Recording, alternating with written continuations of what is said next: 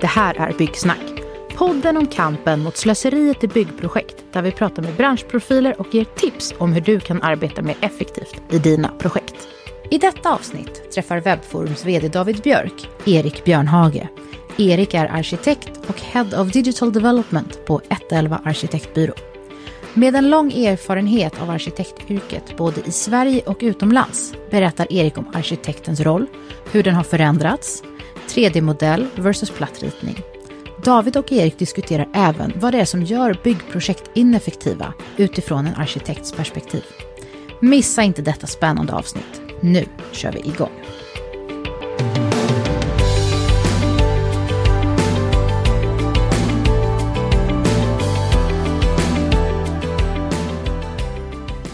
Hjärtligt välkomna till Byggsnack där vi pratar om effektiva byggprojekt. Och idag så gästas vi av en riktig specialist på ett område vi inte har pratat så mycket om tidigare. Nämligen arkitektur. Vi har fått med oss Erik Björnhage från 111 Arkitekter. Välkommen Erik! Tack så mycket! Så roligt att ha dig här! Ska vi verkligen dyka ner i det här området. Jag vet att du har en, en del eh, spännande åsikter om eh, både det jobbet ni gör och om branschen. Så att jag ser fram emot att kasta oss ner i det. Hoppas att det tillför någonting i alla fall. Det kommer det att göra. Eh, det här med 111, vad, vad, är, vad är ni för typer? Och, vad, och var kommer namnet ifrån? Um, 111 är ett uh, företag som i år firar 40 år. Startades av två gamla rävar för som sagt 40 år sedan och vi är ett arkitektföretag som gör i princip allting. Um, vi gör inte sjukhus och flygplatser men utöver det så, så täcker vi nog in det mesta. Um, vi har hittills koncentrerat oss egentligen på Mälardalsområdet. Men sedan ett par år tillbaka så har vi en uh, liten filial i Göteborg också. Som förhoppningsvis kommer växa. Spännande. Och, och, och då låter det som att ni inte har någon så här tydlig nisch utan ni jobbar ganska brett. Eller finns det något särskilt case där man bör kontakta er? Um, vi vill ju såklart jobba med allting. Uh, sen så har vi väl uh, fokuserat på bostäder den senaste tiden. Så att vi är väldigt, väldigt starka på bostäder. Just det. Så uh, flerbostadshus är vår absoluta specialitet. Okej, okay. jag förstår. Och i, om man söker upp dig på LinkedIn så står det att du är Head of Digital Development. Eh, vad, vad, ligger i den rollen? Eh, det är en väldigt bred roll. Det, det är en roll som eh, ligger både på strategisk nivå, eh, prata strategier och utveckling på, på företaget, men också lite mer handgripligen att hjälpa medarbetare ta fram metodik för företaget och utveckla programvaror och rutiner och och se till att allting flyter. Kul, och det var ju en av eh, flera anledningar till att vi tänkte att vi borde prata med dig. För vi, vi gillar ju digital eh, utveckling och digitalisering och effektiva byggprojekt. Så det kändes som perfekt. Här ska vi, här ska vi gräva ner oss i det eh, ämnet. Eh, just med arkitekter, jag tror alla vet ju på något sätt vad en arkitekt gör på ett ytligt plan. Att man, ni ritar saker och, och är med liksom och designar hur hus ska se ut från början. Men, men för någon som inte har jobbat som arkitekt, vad, vad är arkitektens roll egentligen? Um, arkitekten har ju en väldigt, väldigt bred roll. Um, det är väldigt lätt att uh, tänka sig att den börjar med den där kladdet på en servett på något café. Um, och det gör det ju i vissa fall. Men det handlar ju om så mycket, mycket mer än det. det. det. går ju ganska snabbt in på väldigt konkreta saker. Eh, väldigt ofta pratar man om att vi faktiskt skapar boendemiljöer om man tänker bostäder eller vi pratar stadsmiljöer när man tänker ett större perspektiv. Och det handlar ju på något sätt om att arkitektens roll är ju att skapa och utveckla rumsligheter där man kan leva sitt dagliga liv. Um, sen så känner jag väl att arkitektens roll till viss del har förenklats. Eh, vår utbildning och, och vår kunskap är eh, väldigt bred och eh, utnyttjas tyvärr inte till fullo. Ehm, det kan bero på projekttyp, det kan bero på hur eh, den politiska miljön ser ut, det kan bero på vilket land man är verksam i. Just det. Ser, ser, du en skillnad där mellan Sverige och andra länder? Absolut. Eh, I andra länder så har ju arkitekten väldigt ofta ett betydligt mer omfattande eh, eller en mer omfattande roll, ett mer omfattande samordningsansvar. Där arkitekten fungerar som spindeln i näten i ett, eh, i ett stort byggprojekt. I Sverige så har vi på något sätt delat med oss av den rollen till, till projektledaren. Medan utomlands så, så kan arkitekten ta det ansvaret. Okay, så det, det kanske finns en potential här för svenska byggprojekt att, att eh, nyttja arkitektens superkrafter lite, lite mer? Absolut. Vi, vi väntar ju bara på projekt där vi kan ta på oss vår röda cap och, och flyga. Det låter, det låter jättebra. Eh, och när, ni, ni, jobbar ju då, du själv jobbar ju liksom hela tiden i byggprojekt och stötta dem kanske framförallt då i de tidiga faserna men även till viss del genom projektets gång. Och vad, vad är det du har sett eh, under din karriär som, som några exempel på grejer som du tycker hindrar byggprojektens effektivitet? Liksom, vad är det som bromsar och förstör när man ska jobba tillsammans? Um, det där är en jättebra fråga. Um, jag tror att det varierar lite på vilken sida av bordet man sitter. Väldigt ofta så, så kan man ju ifrån arkitektens sida känna att det finns eh, krav och frågor och, och eh, förutsättningar eller förväntningar ifrån, ifrån beställaren eller projektledaren som, som ibland kan kännas som lite begränsande. Men samtidigt så finns det ibland situationer där, där arkitekten själv kanske är begränsande i, i det att när man har arbetat ett tag så, så kanske man har fastnat i, i sina hjulspår.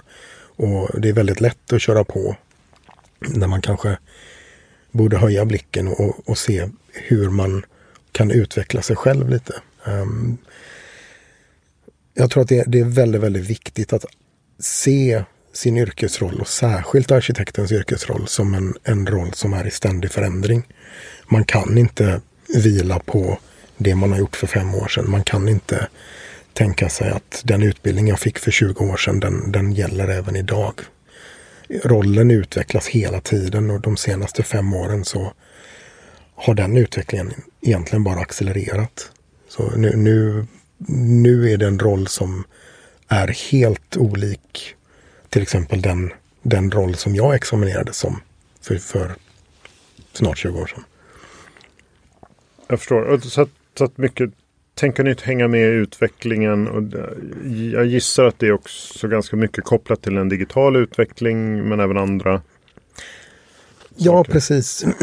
Ehm, mycket nya verktyg, mycket nya programvaror. sånt går ju alltid att lära sig men, men det handlar också om att hitta ett annat, ett annat tänk. Med de nya programvarorna så kommer även möjligheter att um, att förenkla sin egen roll, att, att låta programvarorna göra det som kanske är tråkigt. Att, att utnyttja våra mjukvaror och datorer till att göra det som, som datorn är bäst på. Eh, så att arkitekten kan fokusera på det som vi är duktiga på. Vi är duktiga på det kreativa. Vi är duktiga på att se lösningar i ett större perspektiv, att ha ett helikopterseende. Eh, datorer är fortfarande ganska dåliga på det där. Så där, där har vi en möjlighet att utveckla våran roll och på något sätt utveckla ett sammanhang i projekten som, som jag tror eh, underskattas. Mm, och eh, om, man går, om man kliver in i själva byggprojektet då. Eh, där har jag hört från, från andra att, att man känner sig lite ledsen ibland när man har suttit och gjort då en fin tredimensionell modell av en, en, ett, en kommande byggnad och sen när man ser det här gå igenom processen så är det ju väldigt vanligt då att man liksom plattar till det här och, och gör de här pdf, eh, gör om den här modellen till hundra stycken pdf-filer för att det är så det ska vara. Så det som behövs i upphandlingar och så vidare. Är det hjärtskärande för, för dig som, som jobbar med det här? Eller är, är, det, är det dåligt eller är det bra? Eller hur? Um, hjärtskärande, hjärtskärande. Det, det, det, är alltid det är alltid ett förhållningssätt man måste ha. Än så länge så, så är det ju de, de platta ritningarna som är den juridiska handlingen. Uh, så det är väl ett nödvändigt ont vi behöver leva med. Men det är väl bara en tidsfråga innan de där platta ritningarna kommer läggas till, till handlingarna så att säga. Um, våra 3D-modeller är väldigt detaljerade idag. Uh, de är väldigt exakta. Och det, det finns ingen anledning till att vi inte ska kunna använda dem som, som juridiska handlingar. Det, det, um, det finns projekt där man har tagit det steget. Så att um, det, det, är nog bara en tidsfråga. Men, men fram till dess så är det nog ett nödvändigt ont vi måste ha med oss. Mm, det låter spännande. För det, det jag hör ibland i, i branschen är så här. Ja, men, nej, nej, vi kan inte lämna allt det där till, eh, till entreprenören. Då kommer de ju se all information och då kommer, då kommer det bli vårt ansvar. Hur, går det att komma runt det? Mm. Självklart går det att komma runt det. Um, jag tror att det handlar väldigt mycket om tydlighet. Man får vara tydlig med vilken information som gäller. Man får vara tydlig med vilken information som inte gäller. Det kan ju mycket väl vara så att, att vi har anpassat en, en modell för ett senare skede. Och att det finns information där som vi har förberett, som vi vet kommer komma. Men just i detta skedet så, så gäller inte den. Eller den är inte färdigutvecklad. Och då, då handlar det ju väldigt mycket om att man faktiskt är tydlig mot både entreprenörer och beställare och konsulter att ja, den här informationen finns men, men titta inte på den i detta läget. Och då blir det snarare att reglera det avtalsmässigt på ett klokt sätt och säga att den här viss information är giltig och det den, den kan ni förhålla er till. Annan finns med men se den mer som en tilläggsinformation och inget ni kan basera någonting på. Ja precis. Eh, det, det, det, det, är precis så. Antingen så avtalsmässigt men sen så kan ju Sen kan ju arkitekter eller övriga konsulter kan ju också, precis som vi skriver föreskrifter i våra ritningar eller föreskrifter och beskrivningar så, så kan vi ju även även där lägga in en informationstext i våra modeller om vilken information som, som är kvalitetssäkrad och kontrollerad och vilken som inte är det. Låter jättebra. Så, så borde ju alla göra. I wish.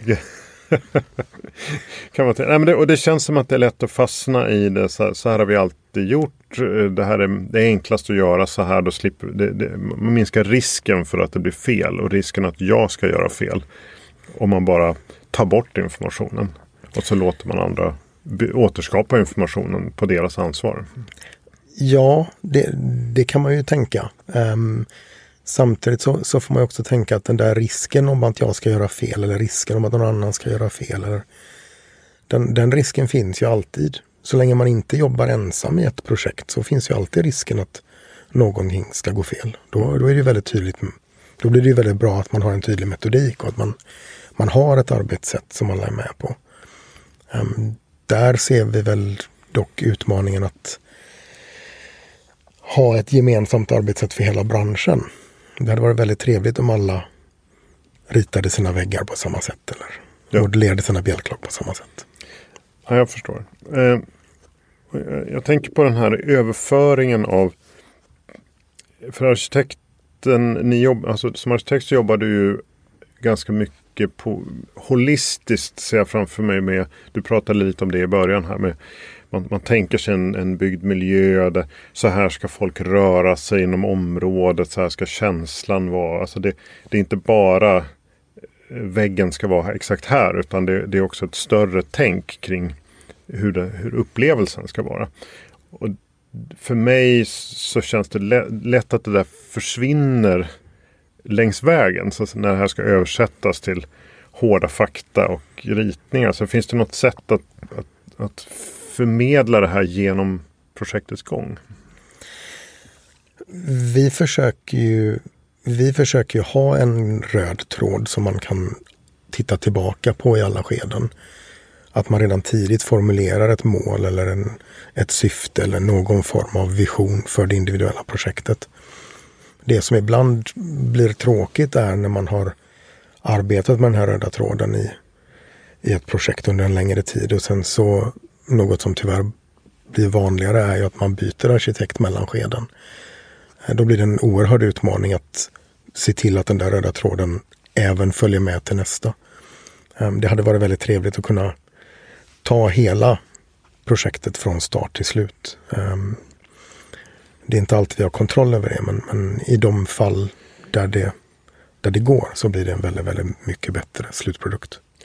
Det kan jag verkligen tänka mig. Och, sker det här i huvudsak från pris, alltså prisperspektiv, att man upphandlar nytt för nästa skede? Eller vad kan anledningen vara där?